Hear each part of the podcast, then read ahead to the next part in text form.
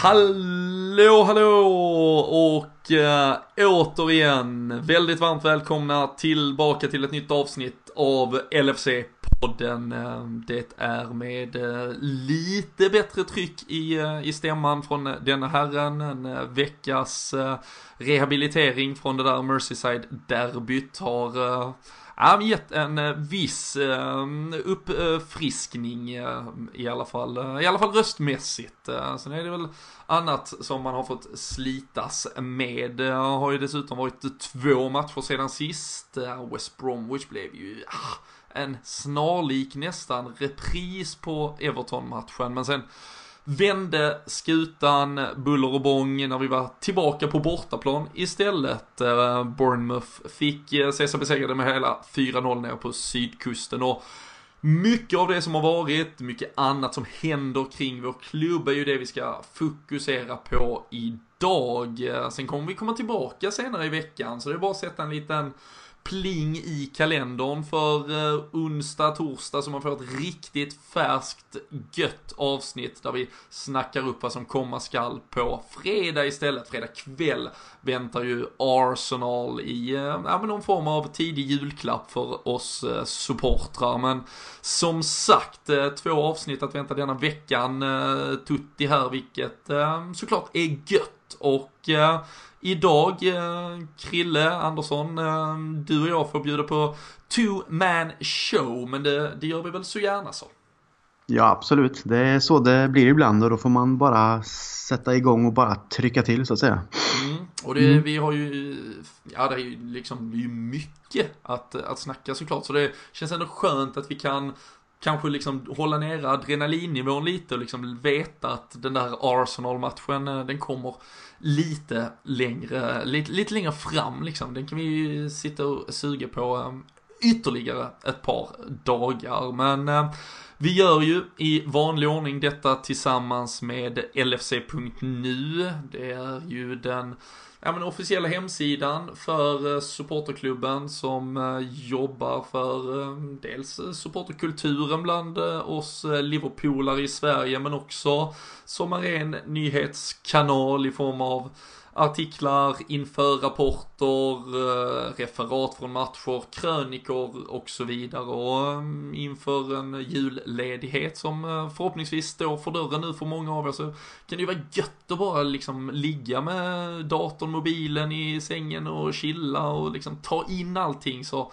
Håll koll på LFC.nu, det är ju jäkla massa matcher som, som väntar här eh, lite längre fram också. Och sen eh, så har vi ju såklart också våra vänner från spelbloggare.se kvar i den här härliga gemenskapen och eh, de har dessutom nu lanserat en ny eh, grupp på Facebook. Speltipsgruppen heter den.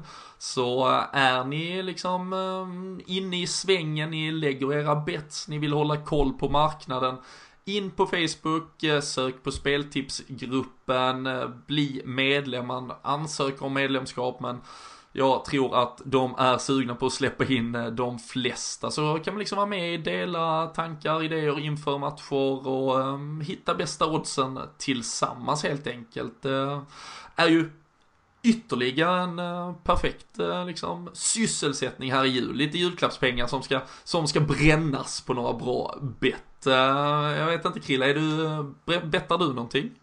Nej, jag är dålig på det. Det är väl stryktipset lite då och då. Sen jag har väl fått någon slags...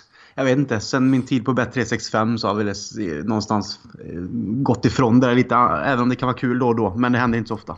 Du, du vet att uh, spelaren inte är vinnaren i slutändan?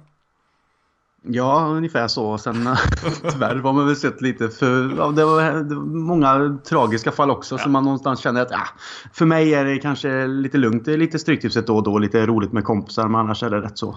Nej, ja. så är det. Det ska, det ska spelas med måtta, det ska sägas. Men eh, som sagt, om man, om man nu ändå ska göra det så kan man ju i alla fall göra det till, till de bästa oddsen. Så det, det fixar ju spelbolaget. Och bästa tipsen. Ja, ja, det, det är klart. Precis.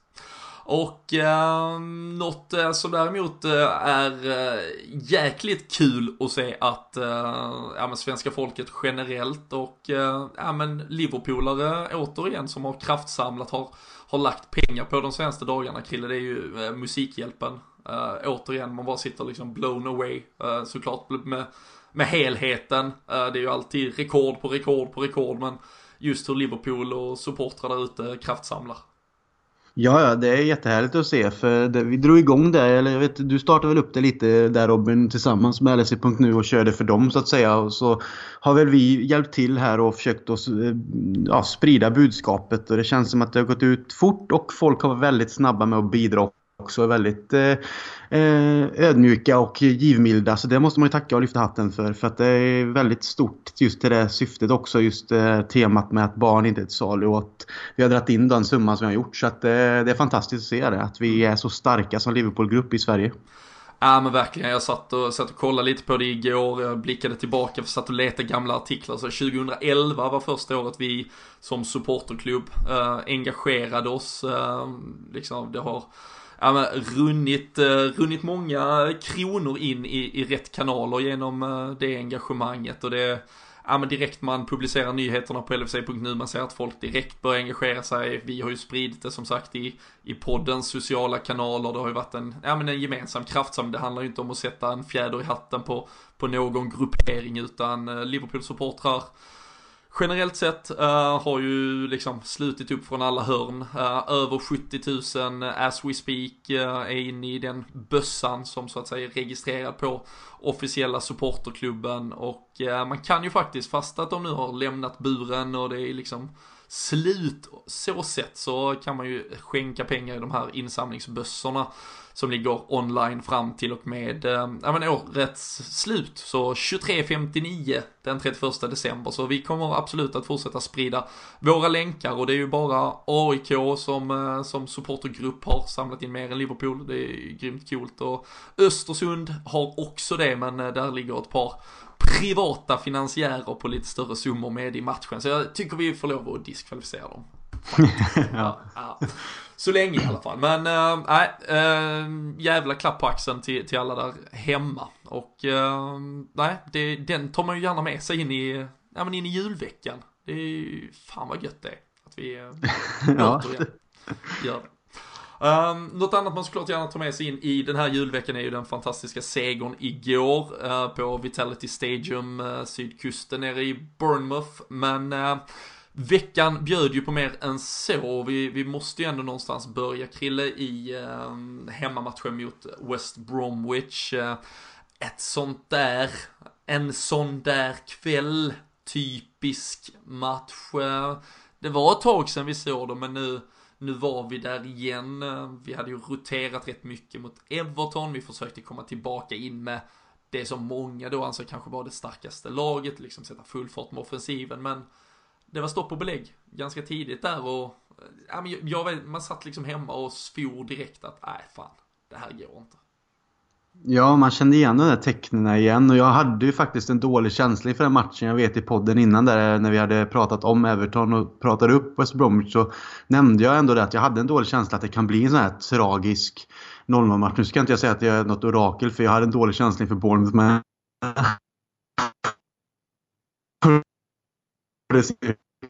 någonstans är det svårt för dem till och från och de är ett fysiskt eh, lag och ja, nu hade de ju en ny tränare, det kan ha fått en effekt också men det var ju verkligen en en buss som parkerades. Men man märkte rätt tidigt i de här tecknen från Liverpools sida att det gick lite segt. Vi hittade inte de här insticken som vi ville ha. Löpningarna var inte rätt. Och tyvärr så börjar den här känslan, det känns som att den sprider sig från eh, laget ut till eh, fansen på Anfield och ut genom tv-apparaterna på oss som sitter och tittar på den hemma. Så att det, det kom rätt tidigt och det är frustrerande för vi vi eh, hade behövt kanske vända den eh, poängtappen mot Everton just mot West Bromwich också.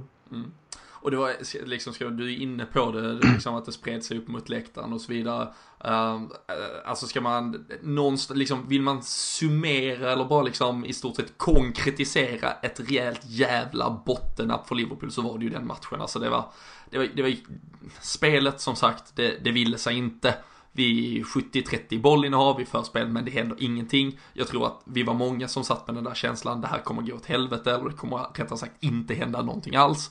Och arenan, alltså Anfield, det var, nej det var ju, det var, det var ju skandalöst, alltså det var, det var ju, du, du kunde ju höra någon liksom öppna sin jävla scouspaj och, äh, nej men det, det var ju, nej men det var en tragisk jävla kväll på många sätt och vis.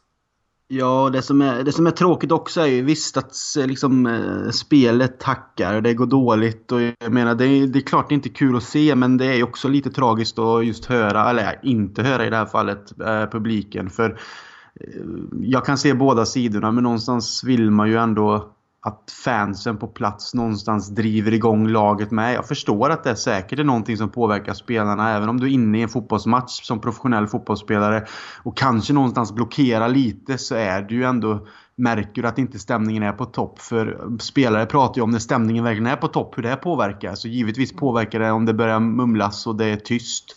Och eh, det är ju tråkigt i sig också för att eh, det är en helhet så allting påverkar till att det blir sådana här matcher också. Mohamed Salah var ju till och med ute så sent som idag och eh, lyfte fram anledningen till, eller en av anledningarna till att han verkligen kände att Liverpool nog kunde vara klubben för hans eh, del framöver. Han var ju en av spelarna som stoppade oss eh, den där vårdagen 2014 men kom såklart med ett Chelsea och upplevde en helt elektrisk stämning inför match där och då. Hela den våren var ju verkligen magisk och vi har ju som sagt två raka poängtapp nu på hemmaplan. Visserligen sett över hela säsongen så har vi 17 poäng hemma, 17 poäng borta. Det är dock ganska udda att man är lika stark och, och nästan starkare faktiskt. För om vi tittar på de fyra senaste bortamatcherna Krille så är det 3-0, 4-1, 4-0, 5-1. Vi har ju verkligen fått utveckling. Kan det vara, vi ska prata lite med det här med bollinnehav och matchbilder längre fram, men kan det faktiskt vara ganska skönt för Liverpool ur, ur den aspekten att komma på bortamatcher. Och även Traveling Cop igår till exempel. Jag vet att du har varit land och rike runt också. Det, det, det, det brassar ju på. Det var ju det var oss man hörde liksom genom tv-rutan igår. Ja, det är ju stor skillnad på Traveling Cop och på Anfield om man säger så. Det jag upplevt också, även om det är några år sedan nu, eh, så var ju stämningen på väg ner på Anfield tyvärr då också. Eh, under en period. Och det hade ju mycket med ägarbyte och det var tränare hit och dit och, och ingen framgång och så vidare. Men Traveling Cop är ju antagligen, skulle jag säga, de bästa fansen i England när de är på bortamatch. För det jag upplevt i, i de matcherna jag har varit på är helt otroligt jämfört med hur det kan vara på The Cop då. Ehm, och det är ju kul att det någonstans kan påverka, att det kan till påverka bortamatcherna men att Liverpool också har hittat någonting som gör att de faktiskt kan komma och man kan känna att en bortamatch också är, känns som att det finns möjlighet till vinst. Det är inte alltid man gör det. Men tyvärr då är det tråkigt om vi tappar lite det momentumet på hemmaplan då för det är de poängen som krävs också för att någonstans etablera sig i toppen. Mm. Så att det är lite antingen eller ibland känns det som. Ja, nej absolut. Um, och uh, ja men det här som vi sa, spel, eller liksom bollinnehavet, matchbilderna som formas också. Det är ju ganska intressant statistik faktiskt om man tittar tillbaka lite på det. För som sagt mot Everton 79% bollinnehav, vilket är helt sjukt i ett derby. Uh, ja. West Bromwich-matchen 70-30, också såklart total överlägsenhet. Även om faktiskt West Bromwich skapat ett par chanser i, i början av andra halvlek. Men vi har faktiskt, vi har spelat 10 matcher under säsongen, borträknat City borta, det var ju en, liksom en, en smällkaramell utan dess like. Men annars på 10 matcher där vi har gjort antingen 0 eller 1 mål, det vill säga våra lite sämre matcher generellt sett, då har vi faktiskt snittat 67,5% av bollinnehavet, medan vi vid de 14 tillfällena denna säsongen där vi faktiskt har gjort 3 mål eller fler, där har vi bara snittat 56,5% av bollinnehavet. Liksom, jämnare matcher, är det, är det, är det ganska typiskt Liverpool? Jag tror liksom, eh, statistik, det här får ju nästan framstå som liksom, ja men nästan helt sjukt hur mycket bättre vi är när matcherna är jämna. Men eh, är det det Liverpool vi har idag? Är vi, är vi direkt dåliga om vi får för mycket tid att tänka? Ja, men lite så känns det som ändå. Det känns som att när vi får det stora ansvaret att vara det laget som eh, inför en match redan kommer föra eh, matchen egentligen. Det är nästan klart på förhand. En hemmamatch kanske mot West Bromwich till exempel. Det är precis som att det är någonting som sätter sig i, liksom, i hjulet och får det och, eller liksom vad säger man, i kugghjulet och får det att liksom stanna upp. Medan när det är jämnare matcher och vi har vårt omställningsspel med de här spelarna som vi har som är så snabba och som är skickliga och på det sättet så känns det som att det passar oss bättre. Och det är ju fortfarande liksom en nöt att knäcka det här att vara det, eh, liksom spelförande laget. Men jag tycker fortfarande inte att vi har kommit så mycket närmare att vara det. Vi spelar bra stundtals men vi märker ju att vi inte lyckas riktigt att bryta ner de här. Utan när matcherna jämnar, jämnare, precis som du säger, så är det mer som att när vi vinner bollen och får våra snabba omställningar då hinner inte andra, de andra lagen med. Och, och oftast då resulterar det ju i mål och i flera mål. Mm. Och det är ju också samtidigt något, eh, liksom, man, kan ju, man kan ju skämta och göra sig lite liksom rolig på bekostnad av vi tyckte Mourinho kom och parkerade bussen. Nu så liksom det har varit två riktiga, ja men uh, elefanter i form av Sam Allardyce och Alan Pardew som har kommit nu den senaste veckan här och uh, ja men de, de parkerar också bussen men liksom vi ser ju tyvärr svart på vitt att rätt approach för att möta Liverpool är ju faktiskt att göra så och inte vara liksom den här, ja men friske lite naive Eddie Howe som vill spela fotboll mot oss för det, det funkar ju inte. Så vi, det, det är ju samtidigt något som faktiskt ligger hos en motståndartränare att anamma känns det som så det är något vi måste verkligen förbättra och mm, liksom förstå att vi kommer att utsättas för. Ja, oavsett vad man, liksom det här med hur bra Salah är och hur liksom snabb han är och Mané och Firmino och deras länkspel med Coutinho och allt det här. Så vi har ju inte de stora fysiska spelarna där framme heller. Så ett, ett inläggsspel, även om det fungerar. Vi såg ju igår en nick liksom så här, som kom från Firmino där. Men det är ju ändå det här inläggsspelet är ju inte på samma sätt som man kanske kan se en Lukaku eller Kane som är lite större. Jag menar, vi har ju diskuterat det här med sån striker innan. Jag ser väl inte lika...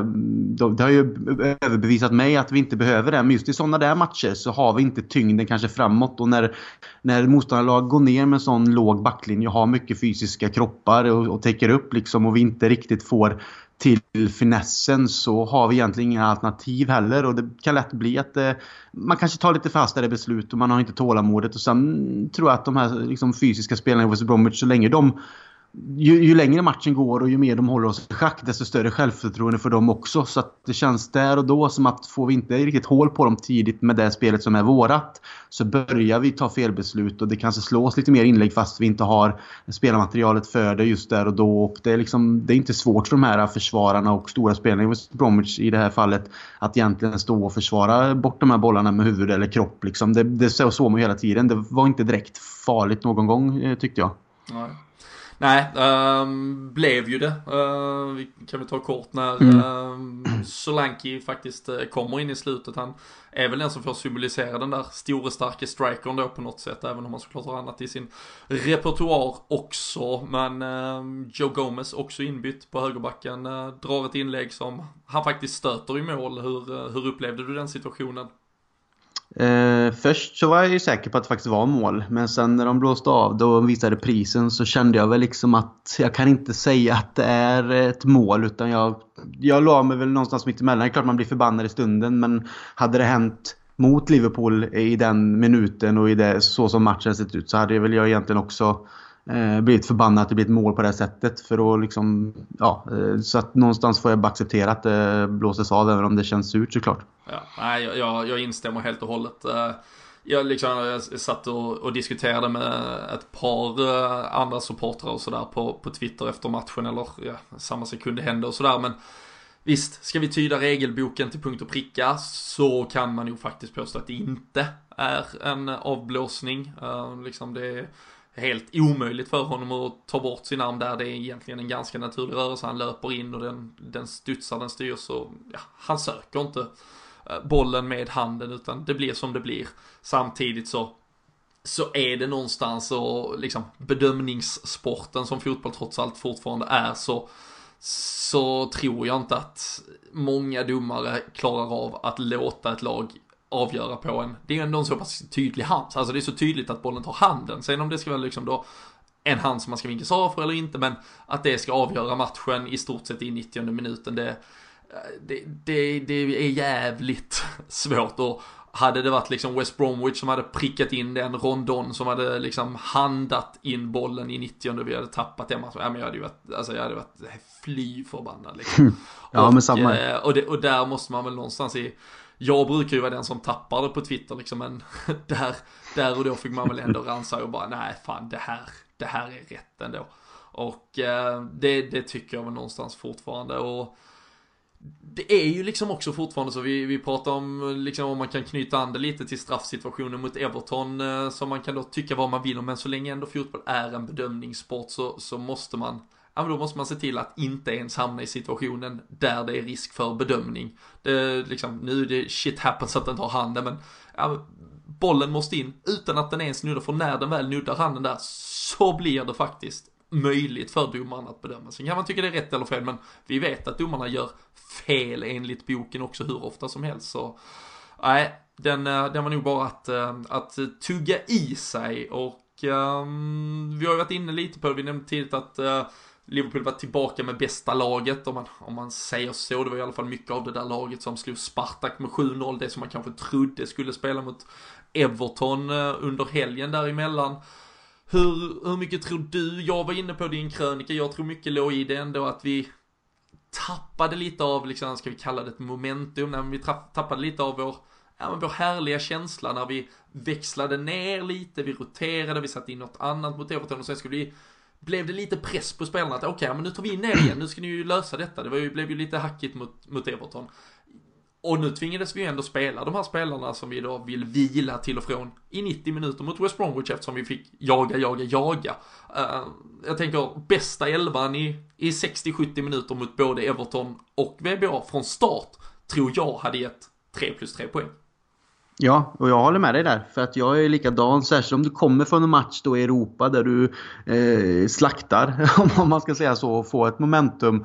Och jag är väl lite för det där fortsatt. Jag vet inte om det är gammalmodigt eller inte, men jag tycker att ett vinnande lag byter man inte ut rakt av sådär på det sättet. Alltså, eller rakt av blir det ju inte, men det blir ju ändå rotationer. Men jag tycker att när man går in i matcher som är mot Everton, som är kanske en av de viktigaste matcherna Eh, Eh, på säsongen eh, som är derby. Och även att man har West Bromwich eh, ännu en match på hemmaplan därefter. Att man utnyttjar, här är två hemmamatcher. Ett derby och ett, en match där vi faktiskt på pappret ska egentligen kunna slå det andra laget.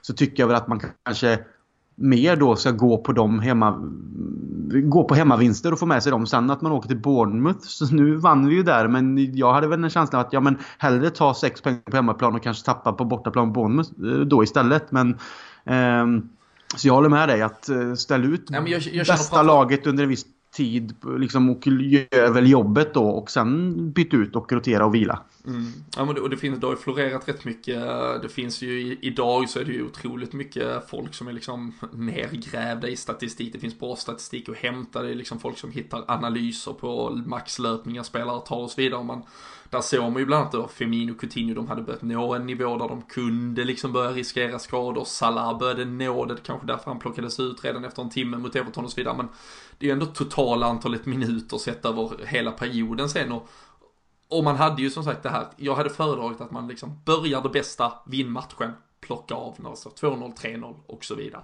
Mm. Um, det blev lite, vi, vi fick jaga de här poängen på konstiga sätt. Jag, jag tror Klopp själv också är miss, alltså liksom blickar han i backspegeln så tror jag han är lika kritisk som vi är mot hur han kanske matchade laget de där två matcherna. Och sen mm. så gör han ju det däremot eh, riktigt bra, får vi ju såklart ge honom med facit i hand. Eh, Bournemouth-matchen nu som vi har varit inne på kort, eh, 4-0 seger nere på sydkusten.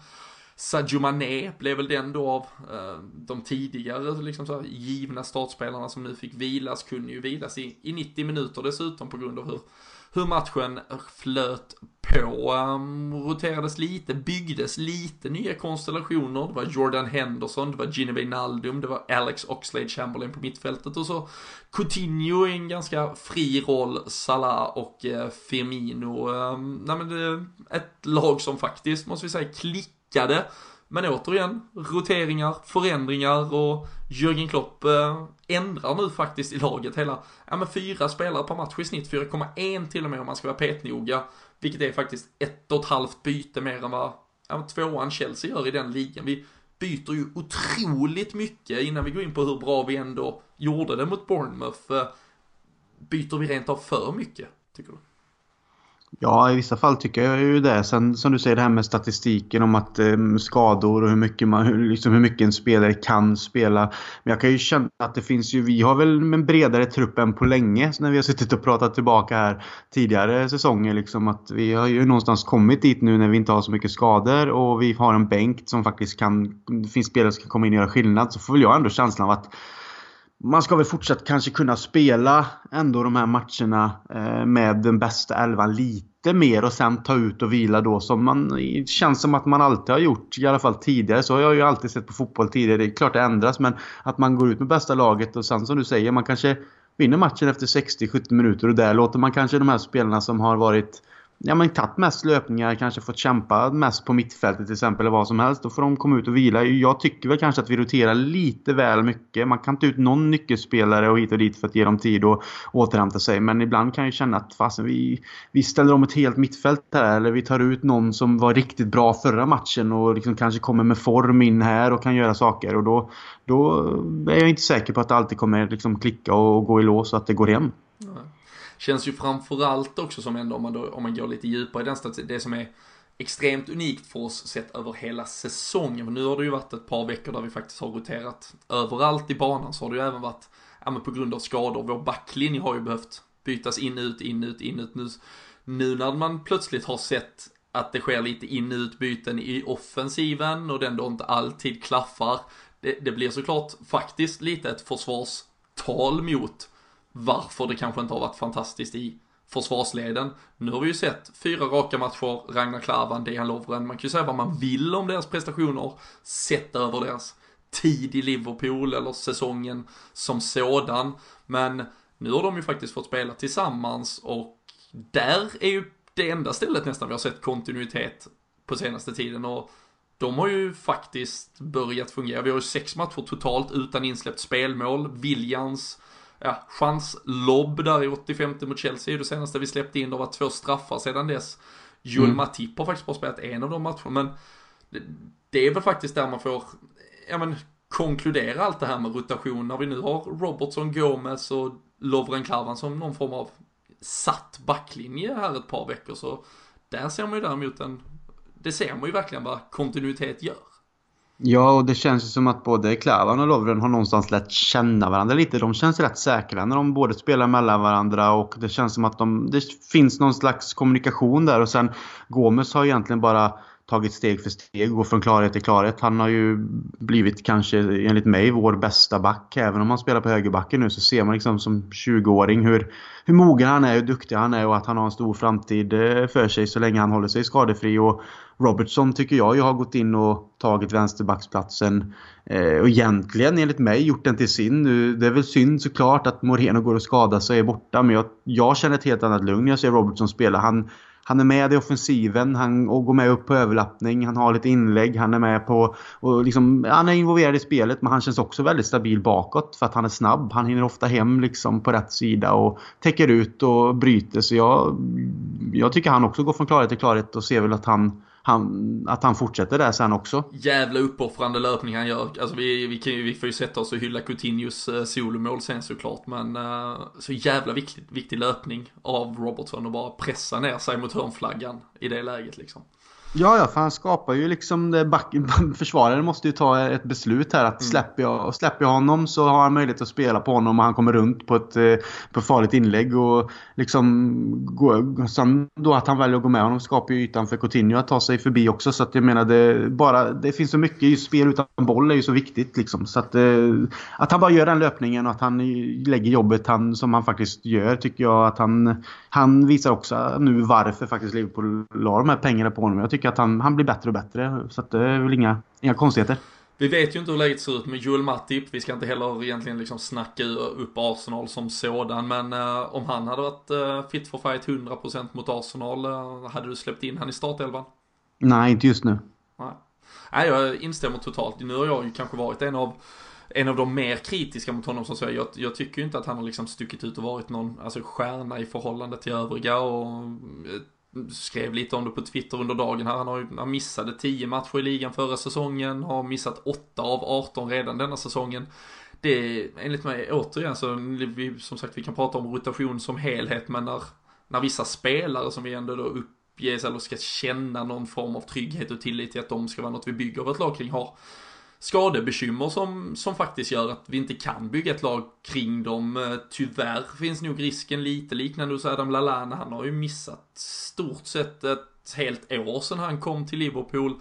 Det, det är ju svårt. Vi liksom, Daniel Sturridge är ju kanske det, det allra mest eh, extrema exemplet eh, i, i, i den ekvationen liksom. Men det, ja, det blir otroligt svårt och äh, så länge Dejan Lovren och eh, Ragnar Klavan är friska nu, vi säger vad man vill i övrigt kring dem, så, så håller jag med om att det är bara att låta dem köra nu och eh, backlinjen generellt, Simon Mignolet dessutom, behåll de fem och de ska fan orka det här.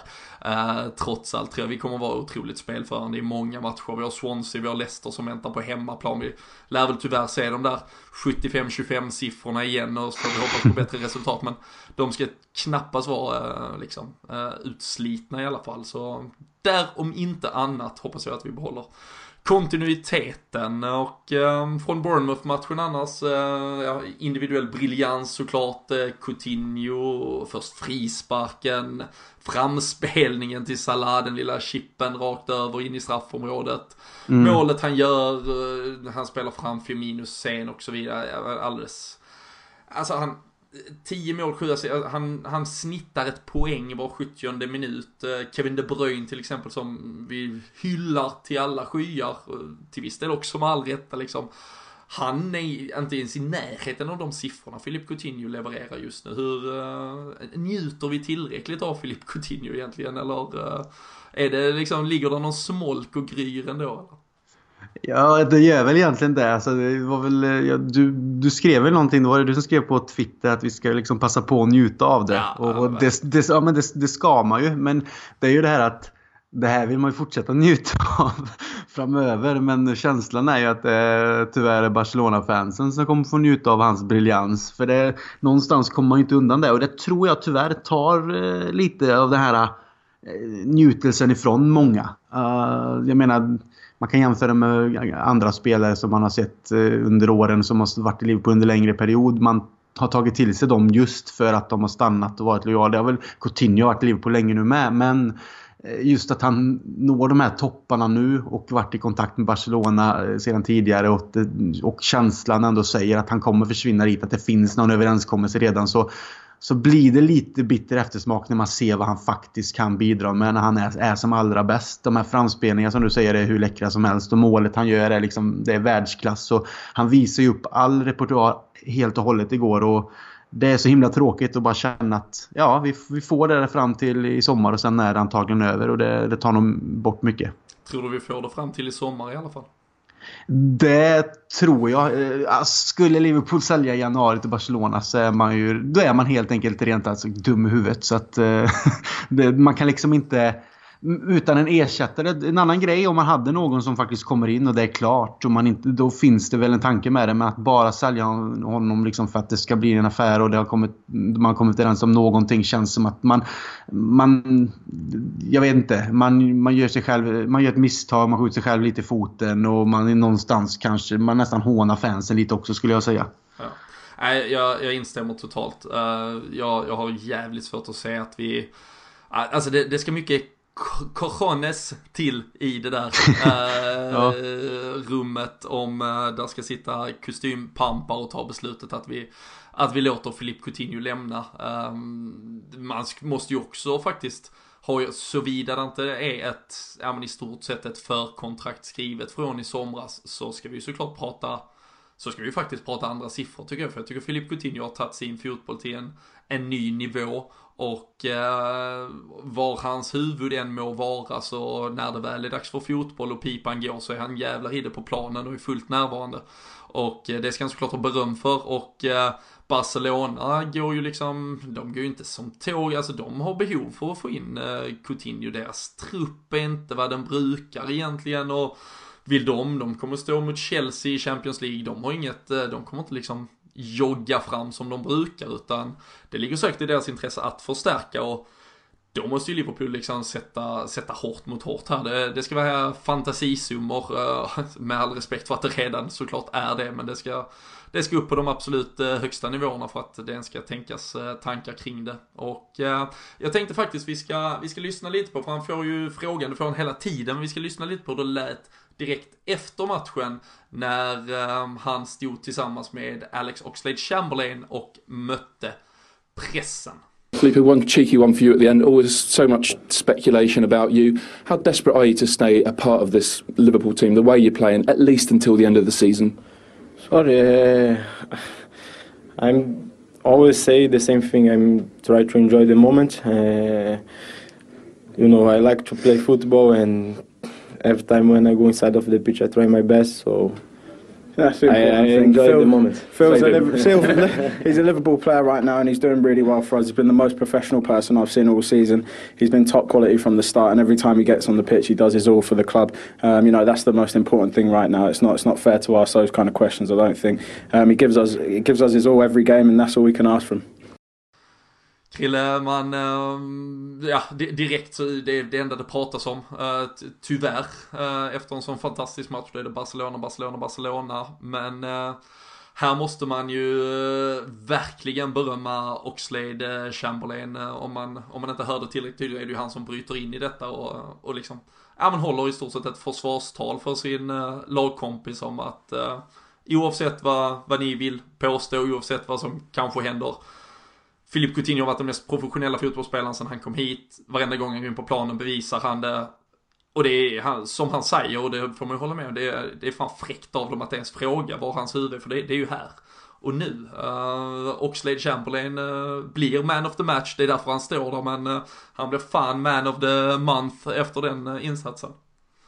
Ja, ja, alltså det är helt sjukt egentligen att man fortsätter. Jag förstår i mediasyfte varför man ställer frågan också, men det, man ser ju på Coutinho liksom, han nästan han ler ju bort det. Man ser ju någonstans igenom han ändå att det fy fan vad jobbigt att få den här liksom, frågan hela tiden. Han vet väl nästan om det och att då eh, Oxlade går in och liksom bryter och säger att det inte är okej okay och att han är en professionell fotbollsspelare som här och nu spelar för Liverpool och går alltid in och gör det liksom till 100% och bevisar sig om och om igen liksom. Eh, att han vill tillföra, han vill bidra, han gör det. Så eh, det, är, det är hur snyggt som helst och det är väl lite det som vi som Liverpool-supportrar någonstans har i ryggraden det här med att stå upp för varandra och finnas för varandra och eh, även om Chamberlain är ny till den här säsongen så har han väl redan tagit till sig lite det och någonstans kanske visar vad det är att vara Liverpool-supporter och Liverpool-spelare i det här sammanhanget. Mm.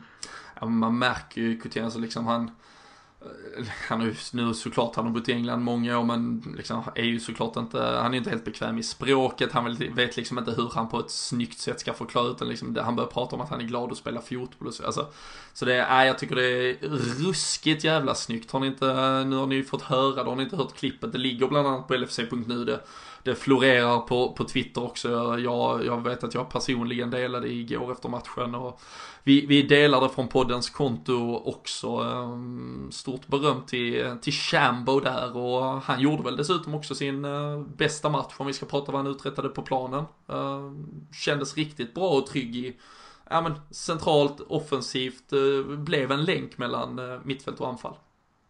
Ja, han har ju även gått ut och sagt det, liksom att det tagit honom ett litet tag och kanske komma in i Klopps filosofi och att han har fått lära sig lite nya saker, vad Klopp vill att han ska göra på planen när det kommer till både eh, försvarsmässiga och anfallsmässiga. Och han har ju själv sagt att han har börjat lära sig det nu och känner sig mer hemma när han spelar och förstår mer spelsättet. Så att det märks ju också att han på ett tydligt sätt är mer involverad i spelet. Han har ett annat självförtroende och att det klickar helt enkelt när han spelar. Så att eh, det var givet hans bästa match i Liverpool-tröjan och han förtjänar väl, eh, om man bortser från egentligen Coutinho då, så förtjänar han väl liksom det helhetspriset då som man of the match egentligen då. Eh, just sett till insatsen, eh, hur, han, hur han spelar. Så det är kul att se för jag, jag har alltid gillat honom ända sedan han från Southampton-tiden till Arsenal. Jag har alltid tyckt om honom. Sen att, jag har alltid tänkt att det hade varit kul att ha honom i Liverpool och nu när han väl kommit hit så har man väl kanske någonstans ändå tvekat för att man kanske inte riktigt sett att han blomstrat på det sättet som man trodde under Arsenal-tiden efter att han kom fram som en sån stor talang. Men kan han fortsätta på den här vägen och visa de här insatserna och bidra med kanske lite mer poäng så absolut så kommer han vara en jätteviktig spelare för Liverpool. Läge att uh, straffa släkten dessutom på fredag kanske? Ja, ja. Det, det, lite så är det ju för oss när släkten är värst. Så kanske kan det vara våran tur att ge, ge det till Arsenal den här gången. Och eh, du var inne på det tidigare, som sagt ni som lyssnar, där, där kommer komma ett, eh, om vi ska kalla det ett specialavsnitt, men ett, eh, ett eget avsnitt där vi snackar upp den här Arsenal-matchen. Men du nämnde att det här med att ändra ett vinnande lag kanske inte är något du eh, normalt sett förespråkar. Eh, Jordan Henderson ska ju verkligen också sägas eh, att han gjorde en riktigt bra match, kanske sin bästa match för säsongen också. Det var, det var många som var bra mot, mot Bournemouth. Uh, Wijnaldum kanske den på, på mittfältet eller om man tittar framåt i banan som hade det tyngst. Um, Oxlade, Henderson behåller vi dem. Chan var ju avstängd nu. Uh, har ju också en kontraktssituation som gör det svårt. Vi ska inte gå så djupt in i den men uh, hur, hur, känner du, lite, bara lite kort kring uh, mittfält, anfall, när vi nu blickar framåt mot ändå så här tjuvkikar åtminstone in mot Arsenal på fredag? Mm, men jag står ju fast vid det att jag inte vill att det ska roteras för mycket när vi har gjort en bra match. Nu har vi gjort det ändå tidigare, men jag håller väl lite med att så som vi spelade igår och den matchen vi visar upp med målen vi gjorde, så tycker jag att liksom behåll laget och så, så långt det går om det inte är några skador som dyker upp. Och som du säger, Henderson gjorde kanske sin bästa match. Och att liksom få starta en till match då mot eh, mot Arsenal borta. Det, det självförtroendet man tar med sig från en sådan match som Bournemouth in i en sån match tycker jag liksom att det är också lika viktigt. Och kanske här kan han bygga vidare på ett momentum på sin egen form och sina egna insatser. Han vet ju själv att han har varit under press och det har man väl nästan märkt av lite. Så att låt ett vinnande lag spela så långt det är möjligt och liksom, eh, vad säger man, rid på den vågen lite, anser jag då. Mm. Nej, jag, jag, jag, håller, jag håller verkligen med uh, i, i liksom grundfilosofin kring det. det jag, jag är inte liksom större än, jag kan tycka att Jordan Henderson sett till liksom, skulle vi bara stryka allt som varit, börja om från nytt så hade jag kanske inte satt han i startelva men på samma sätt som jag tyckte efter den där Spartak-matchen att vi kanske borde gått in med Can, Wijnaldum och den här offensiva fyran och bara pumpat på mot Everton. Så, så känner jag ju liksom, jag inte svårare än att uh, känna likadant nu då kring Jordan Henderson och Slade Chamberlain framförallt som jag tycker ska vara kvar på det där centrala mittfältet. Det, liksom, det har de mm. förtjänat. Uh, Henderson dessutom som kapten, jag tror han behöver liksom den där avgörande Champions League-matchen då fick han stå åt sidan. Nu känner han nog att han, han, han var viktig här i söndags liksom och eh, kommer nog vara jävligt taggad att få bevisa det, att han liksom har att göra i det här laget när han nu faktiskt går in i en match med lite självförtroende. Det känns som det var länge sedan han gjorde det. Så eh, låt han vara kvar, låt Oxlade vara kvar. Sen blir nog ändå frågan för min del är det nog om Gini Wijnaldum faktiskt ska vara kvar. För det har, det har inte sett, det såg inte bra ut mot West Bromwich. Jag tyckte det inte såg så bra ut här mot Bournemouth heller. Uh, frågan där är väl om, om som sagt, eller var Emre Can är i en eh, eventuell uttagning. Det är ju bara ett par veckor fram till han kan signa ett eventuellt kontrakt med Juventus uh, här när uh, ja, fönstret slår upp och han uh, faktiskt bara har sina sista sex månader kvar.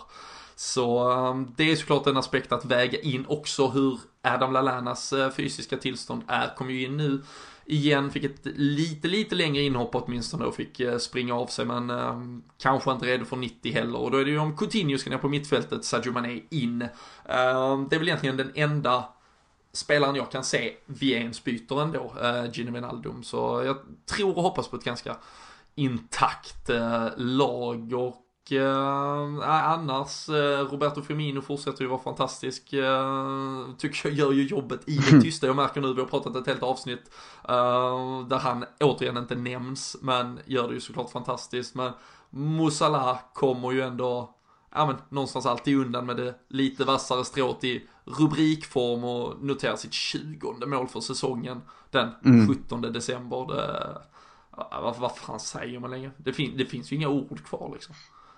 Nej, nej, alltså det är helt sjukt, sjukt egentligen. För det, även om vi visste att han var bra och att han gjorde poäng i Roma för säsongen, att man någonstans hade en, en, en, tro på honom sett till hans utveckling från hans tid i Chelsea och sen Roma nu så tänkte man ja, ja, spelare Liverpool med att han skulle bli så här jävla bra så snabbt. Det hade nog ingen kunnat eh, hoppas på eller tro på. Det är väl många som jag har sett på Twitter med som skrivit att, att de inte ens trodde på Salah egentligen på det sättet. Att de tänkte mer som en truppspelare, lite av någon, någon som kan komma in kanske och ersätta en Mané eller något sånt här. Och, och, och visst, en startspelare också kanske, men ändå inte på det sättet. Och det är helt sjukt. Och att, han, att vi bara är i december fortsätter han på det här sättet så vet man inte riktigt var det kan sluta. Och det är ju bara att hoppas att det fortsätter så, såklart har ju eh, fullständigt blommat ut till en eh, då afrikansk Arjen Robben. Känns som att alla vet vad han ska göra men ingen har en jävla aning om hur man stoppar honom. Det är vik in, vik in, vik in och så drar han den i bortre. Det är smack, smack, smack. Inte så klinisk mm. än så länge. Hade han varit det så hade det varit, det hade varit sjuka siffror. Men, han, han, han har ju en eh, Luis Suarez och Kenny Daglish-röv också har han ju bevisat. Han kan ju vända bort sina motståndare utan, liksom, han är inte stor men ändå så täcker han, täcker han bollen och vänder bort dem som ingenting. Så det är också en grej. Här i Malmö pratar vi om en Niklas Skog-röv när, det är, när vi ska prata täcka boll vid hörnflagga. Men uh, ja. jag, jag köper Suarez och Daglish också. De, han är lite snabbare i vändningarna än Niklas Skog. Nej, ah, Niklas, Niklas Skog hade fått börja nu om han skulle vara klar framåt, framåt nyår kanske. Ja. Så nej, nej, men äh, som sagt en vecka här i eh, backspegeln som bjöd på äh, kanske både det, det bästa och om man då ska vara lite krass det, det sämsta där mot West Bromwich. Men vi tar ju med oss 4-0 segern.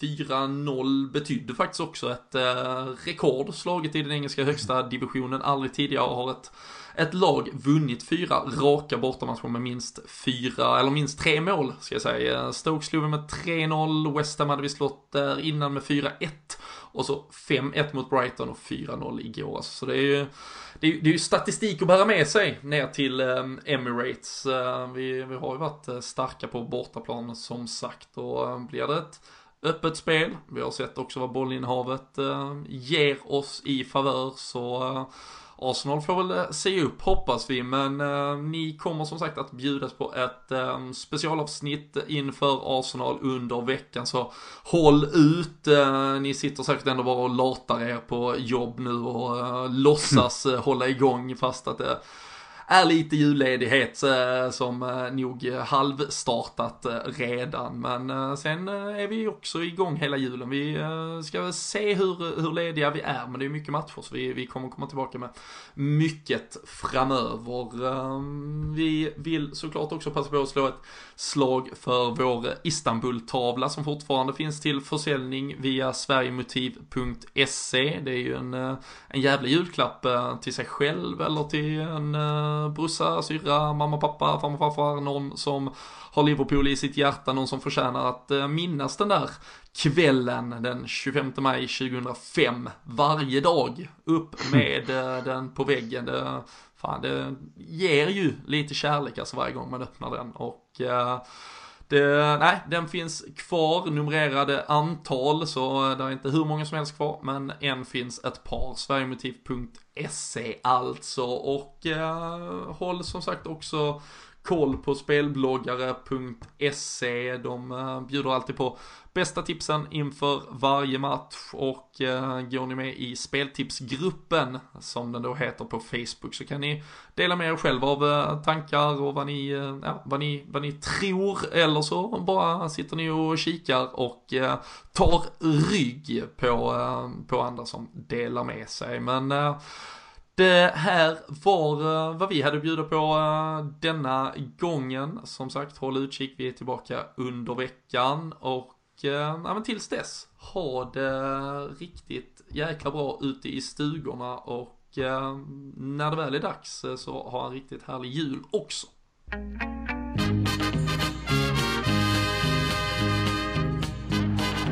Liverpool are champions of Europe